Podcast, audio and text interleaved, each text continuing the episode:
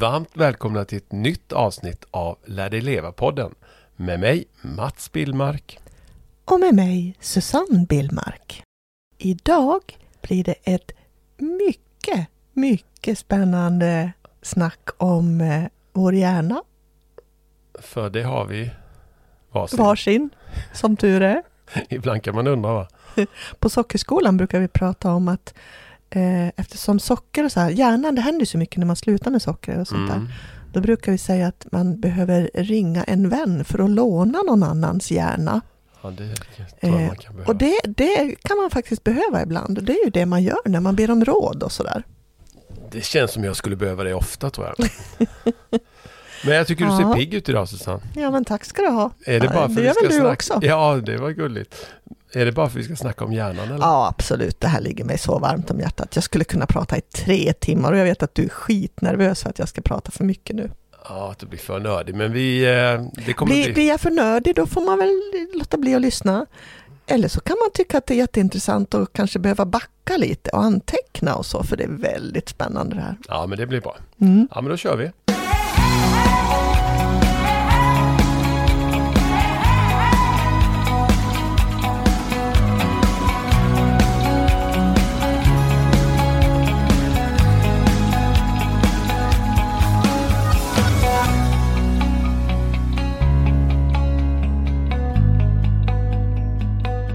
Ja, vi tänkte vi skulle börja snacka lite om hur hjärnan är konstruerad så. Det låter kanske lite tråkigt men det är jävligt intressant.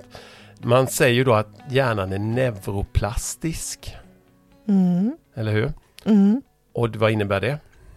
Det betyder att den är föränderlig, Mm. att den en, för, förändras och utvecklas hela tiden. Hela tiden. Mm. Spelar ingen roll om man är 92 år, Nej, så faktiskt. kan det hända grejer i hjärnan. Mm.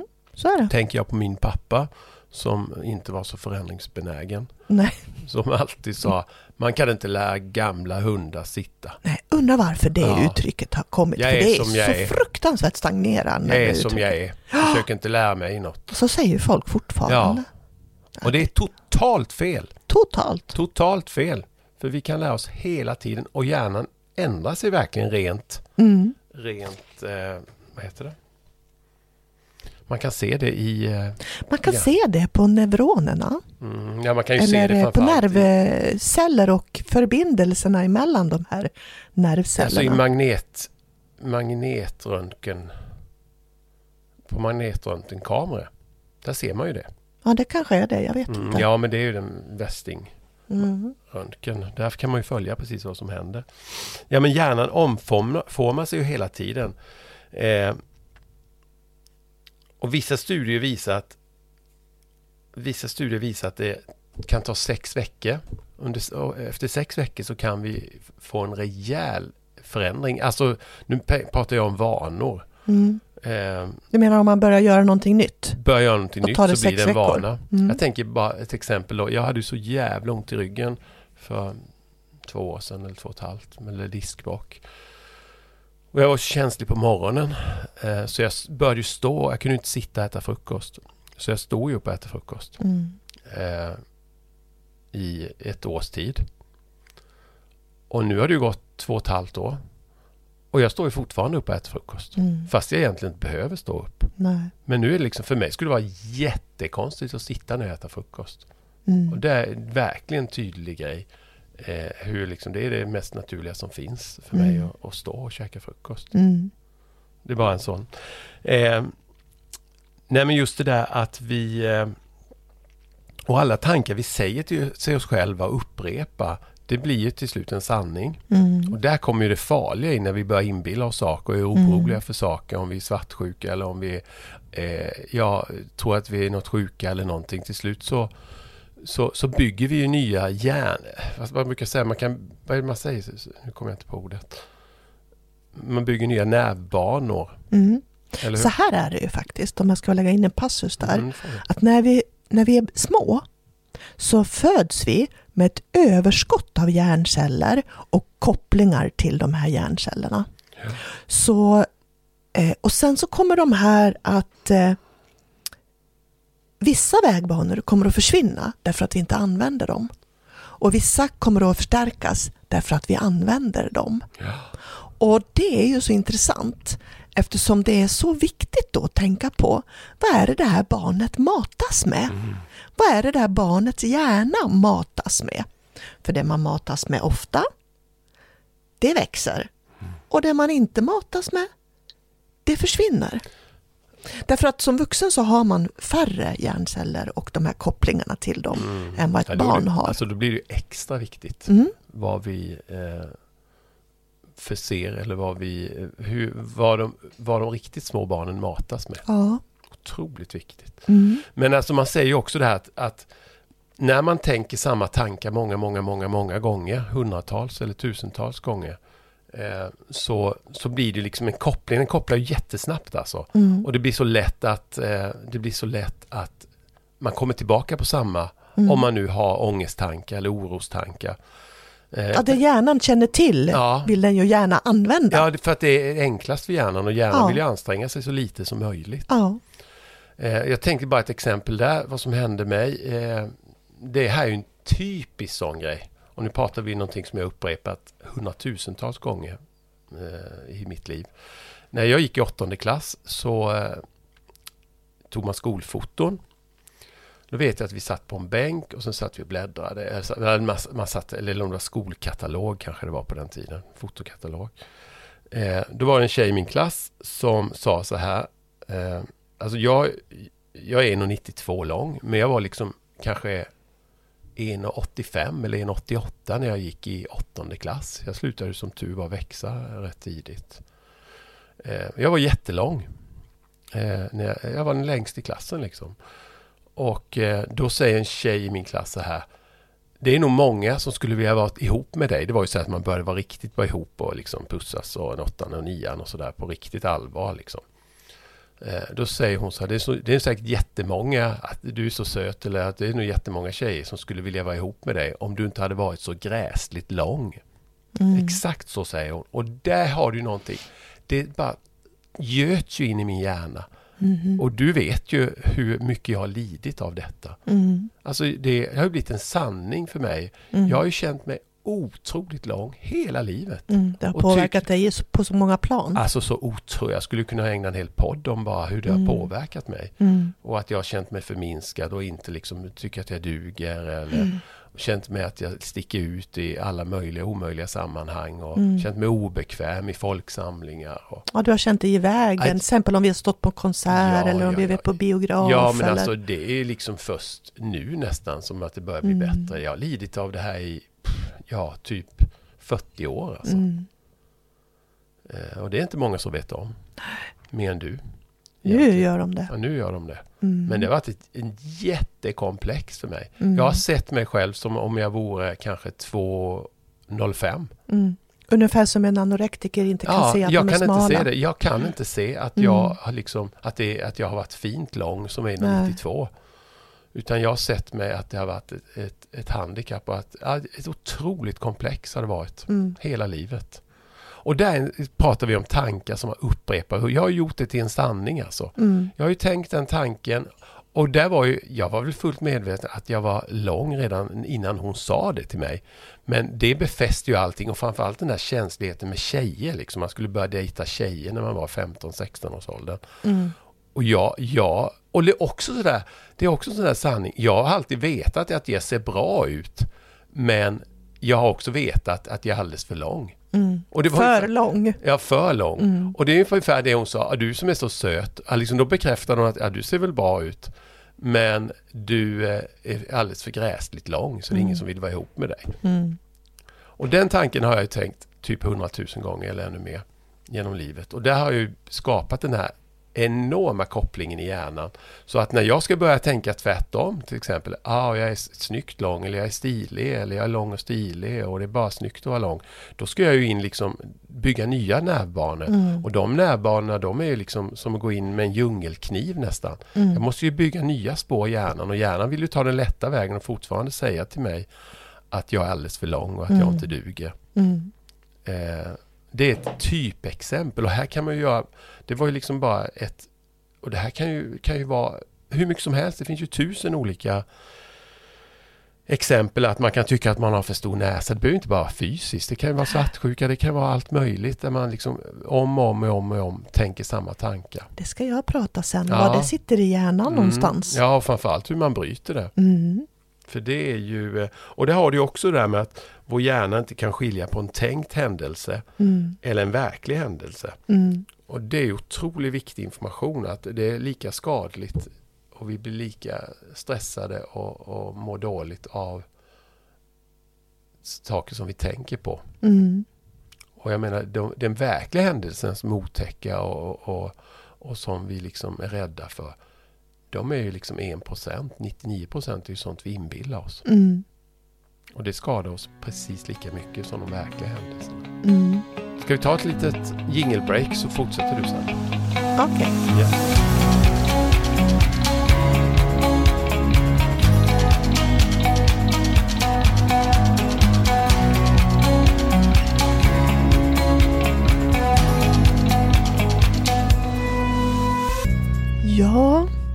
tänkte ju prata om hjärnan. Jag har ju alltid varit så intresserad av vad som händer med hjärnan. Men då har det mest varit fokuserat på kreativitet och hur vi blir mer kreativa och sådär. Eh, men nu har jag ju äntligen då läst den här boken som jag tänkt läsa flera år som heter Min stroke, skriven av Jill Bolt Taylor. Jag vet inte om hon säger Bolte eller Bolt Taylor. Det var ju väldigt intressant. Den handlar om hennes... Det, hon är hjärnforskare i USA. Och när hon är ungefär 35-38 år eller något sånt där, då får hon en stroke. ja, det är otroligt alltså. Ja. Och hon vet inte att hon har ett medfött eh, fel i sin hjärna som ger den här blödningen. Och eftersom det inte är en regelrätt stroke som kommer pang, bom, utan det är en, en eh, hon får små blödningar som kommer hela tiden. Som kan följa så, att det liksom blir en, ja, så det blir en långsam blödning. Och i och med att hon är hjärnforskare så blir det så unikt så att hon kan iaktta sin egen stroke så att Ja, säga. det är otroligt. Eftersom den drar ut så på tiden. Eh, och eh, hon försöker ju eh, ringa till exempel. Men upptäcker att hon vet inte vad siffror är. Hon kan inte prata. Hon pratar in i sin hjärna men det hörs ingenting. Då börjar hon förstå att det här sitter i vänster hjärnhalva. Och eh, hon får ju så småningom hjälp och eh, eh, hon startar sen så småningom en åtta år lång rehabilitering av sin hjärna. Men hur sjuk var hon då? Hon tappade talet? Och... Ja, hon tappade talet, hon tappade förmågan att eh, se slut och början på sin kropp. Men kunde hon, det var inte Eh. rent fysiskt att hon kunde använda armar och ben och sådär? Ja, fast det var ju svårt eftersom hon inte kunde uppfatta var foten började och var den slutade. Hon Okej. hade ju svårt att ta i telefonluren för hon Oj. förstod inte var fingrarna började och slutade till exempel. Så, så ehm, och hon förstod ju att Eh, eftersom hon är hjärnforskare förstod hon att det här händer i min vänster hjärnhalva. Och eh, när hon började sin rehabilitering då så flyttade hennes mamma in till henne och hon var pedagog. Så att hon hade- också ganska mycket stora förutsättningar för att hjälpa henne på ett bra sätt. Men hur som helst så när hon hade tillfrisknat då efter åtta år, hon är helt återställd idag. Eh, men eftersom hon är hjärnforskare så börjar ju hon ju fundera på det här med hon blev ju intresserad eftersom hon plötsligt var hon ju bara i sin högra hjärnhalva. Vilket innebär att hon, hon miste massor med olika funktioner i vänster hjärnhalva som var viktigt för att Och vad kunna var det hon överleva. tappade i och med det? Ja, jag ska komma till det. Eh, Men hon i alla fall, efter sin rehabilitering så har hon kommit ut med en bok förra året, 2022, som heter Leva med hela hjärnan och som jag nu har börjat läsa och kommit ganska långt i. Och den är så djävulskt intressant där hon har kommit fram till då att vi har egentligen att vänster och höger hjärnhalva är egentligen inte två eh, olika utan egentligen så har vi inte ett medve- eh, medvetande utan vi har två medvetande. Så att det finns ett medvetande vänster, ett medvetande i höger. Och i den vänstra hjärnhalvan så har vi två karaktärer. Och i den högra har vi två karaktärer. Och i båda hjärnhalvorna så har vi en tänkande och en kännande. Och eh, det där kan vi ju känna ofta när vi själva kan bli sådär motstridiga i varandra. Vi vet till exempel att det där borde jag göra, men egentligen vill jag göra det där. Eller jag kan, vi kan tänka att eh, eh, det där skulle, skulle jag vilja eh, äta, men egentligen borde jag äta det där.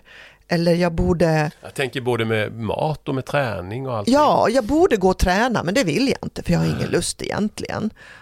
Och vi kan ofta, och det där är en strid mellan höger och vänster hjärnhalva. Intressant. Och den pågår ständigt, den här eh, kriget Vilken vänster ska man lyssna på då? Ja, det väljer man ju. Och det är det som är så intressant, att vi kan välja det. Hon säger så här, att vi är, människor är kännande i första hand. Sen är vi tänkande. Vi människor är i första hand kännande människor som tänker, säger hon. Och det känns som att de flesta människor tänker mer än känner. Ja, och Charlie Chaplin sa ju det. Människor känner för lite och tänker för mycket, sa ju Charlie Chaplin. känns som att vi Han hade den tanken redan då. en människa mitt i karriären eller uppskruvad människa Ja, och ofta kan vi, kan vi säga så otroligt tänkande. Ja, ofta kan vi säga så här att eh, huvudet vill en sak och hjärtat vill en sak. Och då skulle man kunna beskriva det som att huvudet är vänster hjärnhalva som vill en sak och hjärtat är höger hjärnhalva Ja, som vill en sak. Och ofta blandar vi ihop vad vi känner och vad vi tänker. Och den här Jill då, eh, hjärnforskaren, hon vill ju... För ofta kan ju du och jag, vi pratar ju med mycket människor också om hur man mår och vilka liv man vill ha och sådär. Och ofta vill människor ha lugn och ro. Det står högt på många människors önskelista, sinnesro. Och Jill hon säger det att sinnesro är bara en tanke bort. Hon säger att den här eh, djupa inre friden som, skap, som, som vi letar efter, den skapas i höger hjärnhalva. Och den finns tillgänglig för oss allihopa. Nu måste du ge lite praktiska. Nu vill Ja, ju men lyssnarna veta. Jag kommer dit. till det. Jag kommer till det. Och vi kan ju alla lära känna vår hjärna genom att identifiera de här fyra olika karaktärerna som jag pratade om. Och eh, då kan vi till exempel lära oss vilken karaktär av de här fyra är mest dominant hos just mig. Vilken är minst aktiv till exempel. Och vi kan, vi kan klura ut ehm, vad behöver jag optimera och vad behöver jag minimera till exempel i de här fyra karaktärerna. Och hon har ju någonting som hon kallas för taktiksnack med hjärnan, har hon i boken. Och det får ni köpa boken för att läsa mer exakt vad den handlar om, den taktiksnacket. Men första steget i det taktiksnacket, det, det handlar om att andas. Och nu ska jag läsa lite om vad hon skriver om andning. Jag tänkte bara säga det här med andningen. Det är ju hela vår motor liksom. Ja, Allt är ju andningen. ja, Och det är så lätt att andas på fel sätt. ja, Vi håller andan, vilket du och jag gör hela tiden, fast vi borde tänka på det. mm, Och vi använder, andas upp i bröstet. mm, Vi får inte ner andningen. Framförallt när vi är stressade och pressade. mm, Andningen tror- och vad är det sista som händer innan vi dör? Jo, det är vårt sista andetag. Ja, Det är ju hela vår motor. Allt styrs ju av andningen. ja. Och att Och, vi andas rätt och att vi andas... ja, för andningen är så viktig för den, hjärnan. är, den är ju allt alltså. Ja, och det tror jag vi ska göra ett, ett eget poddavsnitt bara med andning. Absolut ska vi göra det. Och för och nackdelar och vad det vi går ju ger. faktiskt en, en kurs nu. Mm, Men det tar vi, det ska vi göra ett eget avsnitt av sen. mm. Mm. Men så här skriver hon kortfattat om att andas.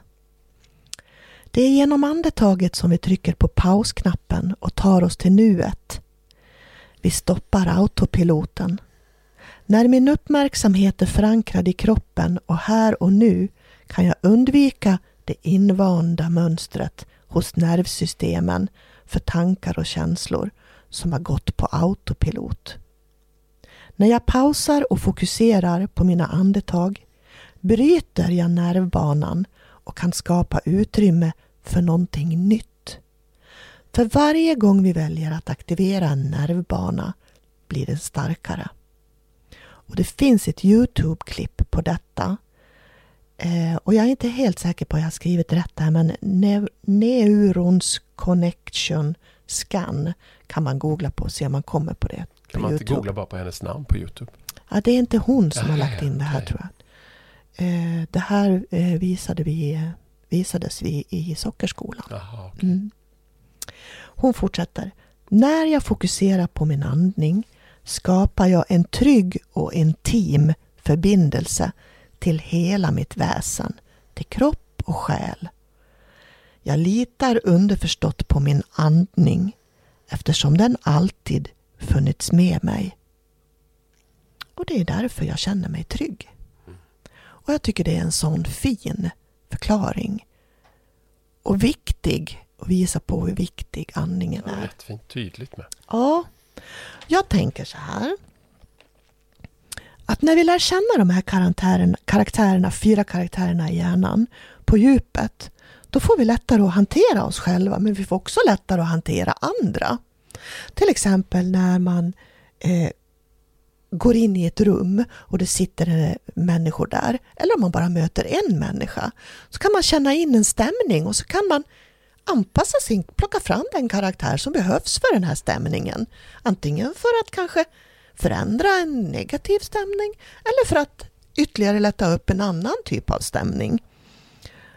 Eh, och det, eller om man möter en människa som kanske är ledsen kan man plocka fram olika karaktärerna i sig själv som tar fram det här som behövs för den här eh, relationen, liksom att det ska fungera.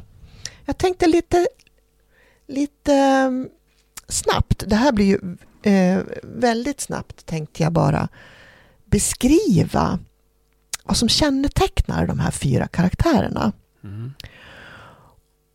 Och, och då tänker jag att karaktär ett i den vänstra eh, tänkande delen den känner vi igen när vi är fokuserade på detaljer.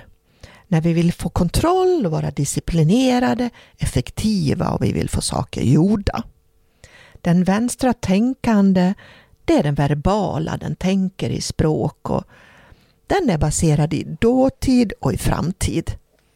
Därför att den kan relatera till vad vi har gjort, men också är det en planerande del. Så den planerar för det vi ska göra. Till Det exempel. känns ju som att det är där de flesta, eller vi, även vi, de flesta människor är. Jag Ja. brukar du säga att jag är expert på Ja. framtiden. Ja. Den här är också väldigt fokuserad på mig, jaget. Mm. Eh, den är väldigt upptagen och medveten eh, och vill ha struktur och ordning.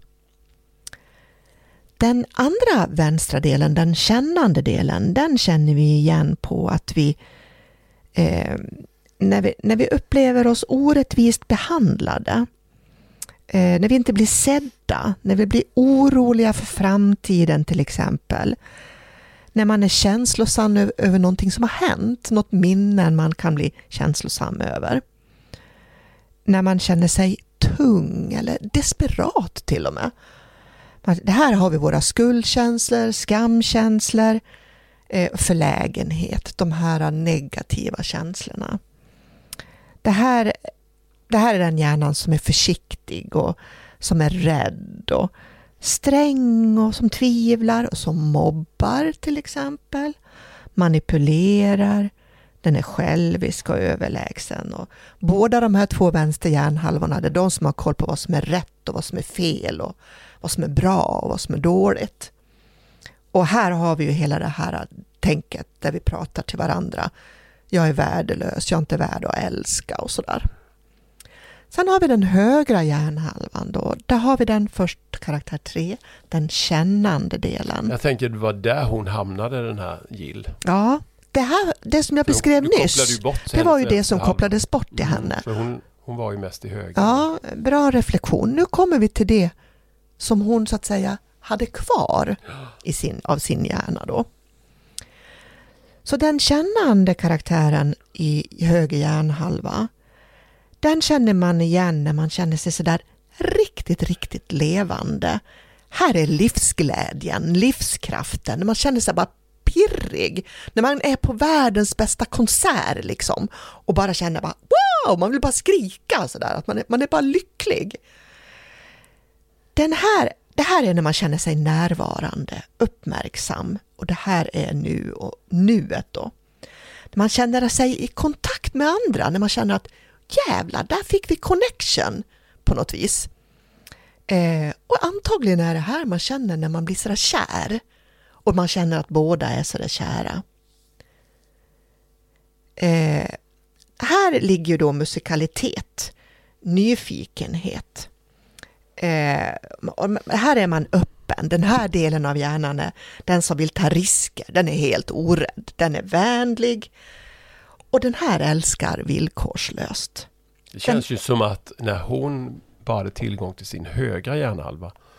Det låter ju som rätt behagligt liv. Ja, för trots att hon kunde förstå att det är någonting hemskt som händer henne nu så upplevde hon det euforiskt. Mm, det så. så det blev sån dubbel känsla för henne. Men den här delen av hjärnan i alla fall, den kännande högerdelen, den delar med sig och är snäll och jämställd och så. Men den tänkande högra hjärnhalvan då, det, det, det, det är när man känner sig belåten och nöjd och öppen. När man känner uppskattning för vad livet gett, när man liksom känner att man är tacksam för det man har. Eh, det är den här när man känner sig lugn och, och, och, och framförallt att man känner ett lugn och en acceptans för att allt är som det är, oavsett hur det är så att säga.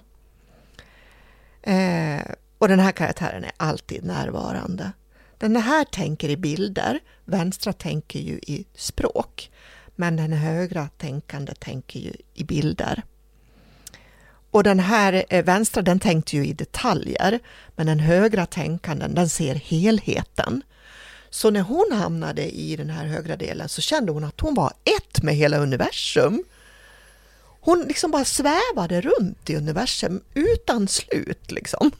Både skrämmande Låter lite och... flummigt. Låter flummigt, men det är så hon kände mm. det. Den här delen högra tänkande är flexibel, den ser möjligheter i allt. Den har ett flöde och ett muskelsinne. Eh, och den här är ju, eh, vad ska man säga, eh, den tittar holistiskt på helheten, ser alla delar för att det ska passa in. Så det är här vi kan få connection med andra och förstå att vi alla påverkar varandra och att vi alla behöver varandra.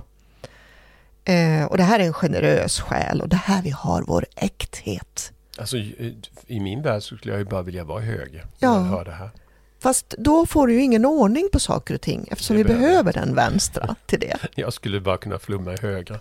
Ja. Det skulle vara intressant att sätta på ett antal tusen människor några, några sådana här elektroder där man kan mäta. Mm. Alltså random liksom folk mellan 15 och 80 år. Mm. Eh, och kunna få statistik på hur mycket, hur mycket av vår vakna tid är vi i högra hjärnhalvan respektive vänstra hjärnhalvan. Mm.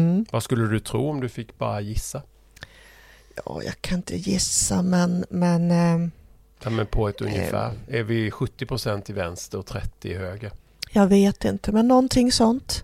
Och för att man ska få var, ta del av allt det som, som jag tycker låter som jag vill ha mer av som finns i högra hjärnhalvan. Mm. Vad har du för tips då? Mm. Nu är det ju så här att eh, hjärnhalvorna, hjärnhalvornas karaktärer, de samarbetar ju med varandra också. Alla karaktärer samarbetar med tre av de övriga. Och de flesta av oss lever ju med en dominant vänsterhjärna. Och det beror ju på, eller hur? Vad beror det på? Därför att vi är i framtiden och, och dåtiden hela tiden. Ja, och för att det faktiskt prioriteras ju både i skolor och på arbetsplatser att vi, vi är välplanerade, att vi är bra på att organisera, att vi är bra på eh, alltså få struktur och ordning och att vi ska bedöma vad som är rätt och fel. Och... Det känns ju som att, att där lägger man ju, vi pratade ju om det innan, eh, det här hur, hur viktigt det är när man är liten. Mm. Och då känns ju skolan att de, nu, kan ju inte, nu är inte jag helt uppdaterad hur skolan jobbar, men det känns ju att man prioriterar vänster hjärnhalva för mycket. Mm. Jag är ju ganska mycket i min högra hjärnhalva eftersom jag håller på mycket med skapande och färger, meditation, andning och sånt där. Så att jag är ju väldigt mycket i min höger hjärnhalva. Men jag blir lite full i skratt för det här med vänster tänkande hjärnhalva, den vänstertänkande den räknar allt. Och jag älskar, och den ordnar och kategoriserar och så här. Och jag älskar ju att ha böckerna i bokstavsordning. Och jag älskar att sortera knappar. Liksom. Ska jag berätta en rolig historia när vi precis hade träffats? Ja, gör det. Du tror jag du vet vilken det är. Vilken är Nej men vi hade ju, jag jobbade ju med samlarkort. Just och eh, vi, alltså nu pratar vi 20-25 år sedan, så var ju de här hockeybilderna, Mm. ni som är i vår ålder, eller kanske var unga när det var 95. Så he- alla unga i hela Sverige samlade hockeybilder. Mm. Det var hysteriskt. Och jag hade en butik som jobbade med det bland annat. Mm. Och då arrangerade vi en stor mässa som höll på en hel månad i Kalmar. Mm. Vi hade till- ju bara träffats i ett ja, halvår ja, eller ja, knappt det. Mm. Eh, och vi tog dit NHL-stjärnor till och med. Stora Mm. NHL-stjärnor kom dit och satt och signerade. Mm. Och vi hade utställning och försäljning. Det var massa jipp och jobbade som tokiga. Eh, men då i alla fall så hade vi en, en tävling. De skulle gissa någonting. Jag kommer faktiskt inte ihåg vad de skulle gissa på. Nej. De skulle gissa någonting. Eh, något antal eller något. Sen lottade vi ut eh, ja, någonting som var kopplat till hockey i alla fall. Jag minns inte heller. Och jag tror vi fick in två eller tre tusen svar på sommaren. Det var liksom en hel jättetunna eller säck med, med papperslappar. Mm. Och då så sa du när det var slut, vi var ju helt slut, både du och jag. Då sa du så här, jag kan ta den säcken och sen kan jag skriva ner dem i bokstavsordning. Jag tänkte, vad fan är hon, vad är det, är hon inte, vad är det med henne? Är hon en galen människa? Mm. Det var ju typiskt sånt exempel. Mm. Jag hade alla CD-skivor i bokstavsordning Ja. också. Inte kryddorna har jag inte det. Men... Eh, Ja men böcker nu, vi är ju mitt i en Böcker. flytt nu. mm, Vi flyttar ju om fem dagar. mm, Och då sätter ju du dem i bokstavsordning. Absolut. Vilket jag, jag skulle inte ens drömma om det. nej. Alltså det finns inte i min Men jag värld. älskar att det. ordna och greja sådär. Däremot gillar jag ju statistik och det gör ju inte du. Ja, men det har ju det också att göra. Ja, jag Mm. älskar ju statistik men, men inte så. Nej, jag är inte så noga så. Ja, Nej, men så att många av oss är ju väldigt mycket i vänsterhjärna därför att det är det som prioriteras och premieras i vårt samhälle idag. För så fort vi börjar prata om det här som är höger hjärnhalva, då säger människor ofta det är flum. Mm. Och det är det inte, Nej, för vi behöver det också. Och då skulle jag bara vilja säga så här att i Gills bok Lev med hela hjärnan, där beskriver hon att vill vi uppnå bättre hälsa och till och med lycka så är det det vi, det vi, det vi kan göra då det är att ta kontroll över vår karaktär 2, den kännande vänstra delen. Den som är ilsk, den luras, den som har dåligt samvete, den som hela tiden klankar på att nej men du är för lång, du kommer inte duga till några tjejer. Den som säger, den som älskar på vissa villkor och som är självkritisk och egocentrisk och för den, det är ju det, det som ställer till allting i de flesta människors liv. ja, och den kan vi ta kontroll på.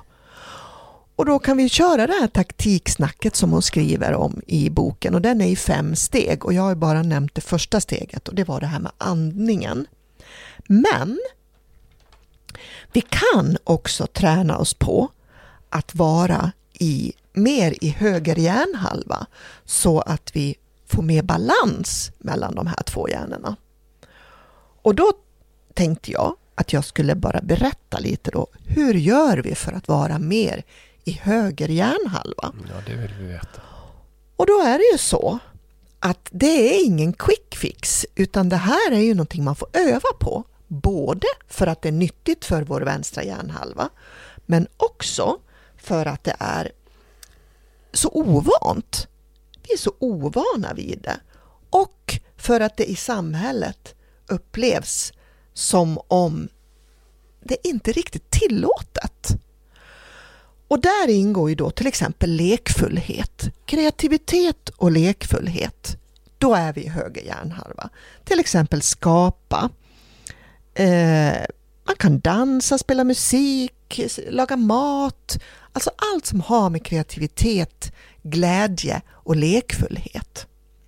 Vi behöver eh, också öva på att bli mer medvetna. Se oss omkring med alla sinnen till exempel. Hörsel, syn, doft, smak, känsel. Att bli förundrad över hur, hur känns det inom mig? Hur ser du ut? Hur ser min omgivning ut? Och så vidare. Det här med tacksamhet ligger väl också där? Ja, det gör det. Men den här närvaron och nuet ligger ju i höger hjärnahalva. Till exempel också eh, tacksamhet som du säger. Och då brukar ju vi prata om att man kan skaffa sig en tacksamhetsbok. Det skriver faktiskt jag. Ja, berätta om det. Ja, men jag har, vi, har gjort en, vi har ju faktiskt gjort en dagbok som heter Dagbok ett år. Mm. Nej men jag skriver ingen dagbok alls utan precis när jag går och lägger mig så skriver jag två eller tre saker som jag är tacksam över. Mm. Det, oftast är det saker som har hänt under dagen. Något jag har varit med om. Mm. Eh, och är det en riktig skitdag, som det är ibland, när man mår skit, då skriver jag att jag är tacksam att dagen är slut. Eller att du kanske inte har så ont i ryggen? Kanske? Eller att jag överlevde eller vad som helst. Ja men det finns alltid något att vara tacksam över. Ja, det gör det. det fick ta- man kan vara tacksam för att det kommer en ny dag Ja imorgon. men sen kan jag också skriva tacksam, tacksamhet över dig, mm. över vår dotter eller, Mm. ja, eller ja, allt möjligt. Mm. Det är mycket jag är tacksam över. Och liksom, det behöver inte bara vara sånt som har hänt på dagen. Det kan Nej. vara något som man bara allmänt... Och det gör ju också att man inte hela tiden gapar efter mer och mer och mer. Mm. Och man ser, fan jag har det ganska bra. Mm. Måste inte köpa den där bilen eller jag måste inte åka på de där tre resorna. Mm. Fan det är rätt, det är rätt, jag har rätt fint runt omkring mig. Jag Mm. har rätt. Jag har, det är mycket, jag har mycket att vara tacksam över. Så det skriver jag varje kväll. Vissa kvällar skriver jag en grej. Ibland skriver jag tre, fyra grejer. Mm. Men jag skriver faktiskt alltid något. Och det, jag har ju gjort det här tidigare som du vet. Eh, men sen har jag slutat efter tre veckor. Vi har ju Mm. vetat om Vi har ju pratat om det här i många år. Mm. Men nu har jag faktiskt hållit på i, ja, jag skulle nog säga fyra, fem månader. Och nu är det verkligen en vana. Hur trött jag än är. Jag kan vara stuptrött så jag bara vill sova. Så skriver jag alltid något. Mm. Du, du kan gå in och titta i den om du vill så ska du se att jag har inte missat en dag säkert på två, tre månader. För jag skriver alltid ner någonting. Mm. Och det är ju verkligen det där eh, skapa en ny nervbana och en ny Ja. vana i hjärnan. Ja. Och, och det har jag verkligen nu och jag kommer hålla i det nu. Mm. Så fick jag tips. Jag läste en annan bok då. Så just det där att man ska tycka om sig själv, vilket inte alltid är så lätt. Att man ska vara tacksam för sig själv och ja, gilla sig själv. Eh, Så jag skriver faktiskt varje kväll skriver jag ett hjärta. Mhm. Varje. Jag tänker, gud vilken töntig man, men det är det inte, tvärtom. Jag, är, minst, jag, jag, jag kan verkligen stå upp för det. Jag skriver ett hjärta varje kväll. Mhm. jag skriver mitt eget namn. Du ritar ett hjärta. Jag ritar ett hjärta, då får jag ju in det med. Jag är ju plågsamt usel på att rita. Mm. Eh, och då visar jag det. Kolla vilka fina hjärtan jag börjat, Mm. börjat göra nu. Ja, det är att stimulera självkärleken. Jag ritar faktiskt ett fint hjärta varje kväll, så skriver jag mitt namn i det. Mm. Det är också en där procedur varje kväll. Mm. Eh, Jag skriver i min dagbok varje morgon. Ja. Mm. Eh, Så jag skriver om vad som hände dagen innan då. Mm. Och sen vad jag är tacksam för. Så det gör jag också varje dag. Ja, men det är en enkel grej. Det gäller bara att bestämma sig för att göra det. För att Mm. det, det är som vanligt att när man börjar göra det så säger nej, skit i det, säger hjärnan. Det är bara Mm. jobbigt. Nej, gå och lägg dig och sov. Ja, och kanske man kan tycka att det är töntigt eller till och med onödigt. Ja, men kan- jag vet väl vad jag är Ja. tacksam för. Men det är ju inte det det handlar om. Utan det handlar ju om att befästa det och bli påmind och få tänka till lite. Och allt man skriver blir ju också extra powerfult. Så. Ja, Ja, men alltså det, man behöver ju inte ha en dag. Man kan bara ha ett block eller vad som helst. Mm. Skriva mobilen, men helst ska man inte ha mobilen vid sängen. Nej, men man kan Skriv inte i mobilen, ha en liten bok säger jag. Ja, okej. ja. Vad man mer kan göra för att hamna i eh, och öva sig på att vara i höger hjärnhalva, det är att utmana sina rädslor. Och göra någonting som man aldrig har gjort förut till exempel. Och Eh, det handlar ju om att vara villig till förändring också. För där ligger också höger hjärnhalva, att försöka vara villig till förändring. Öppenhet, våga sig, visa sig sårbar är också en del i det här. Ehm, ja, vara nyfiken och förlåtande. Det ökar empatin och det, den sitter i höger hjärnhalva. Fokusera på oss och vi istället för mig och jag. Att försöka hitta någon slags samhörighet med andra. Yes. Fint och En liten paus.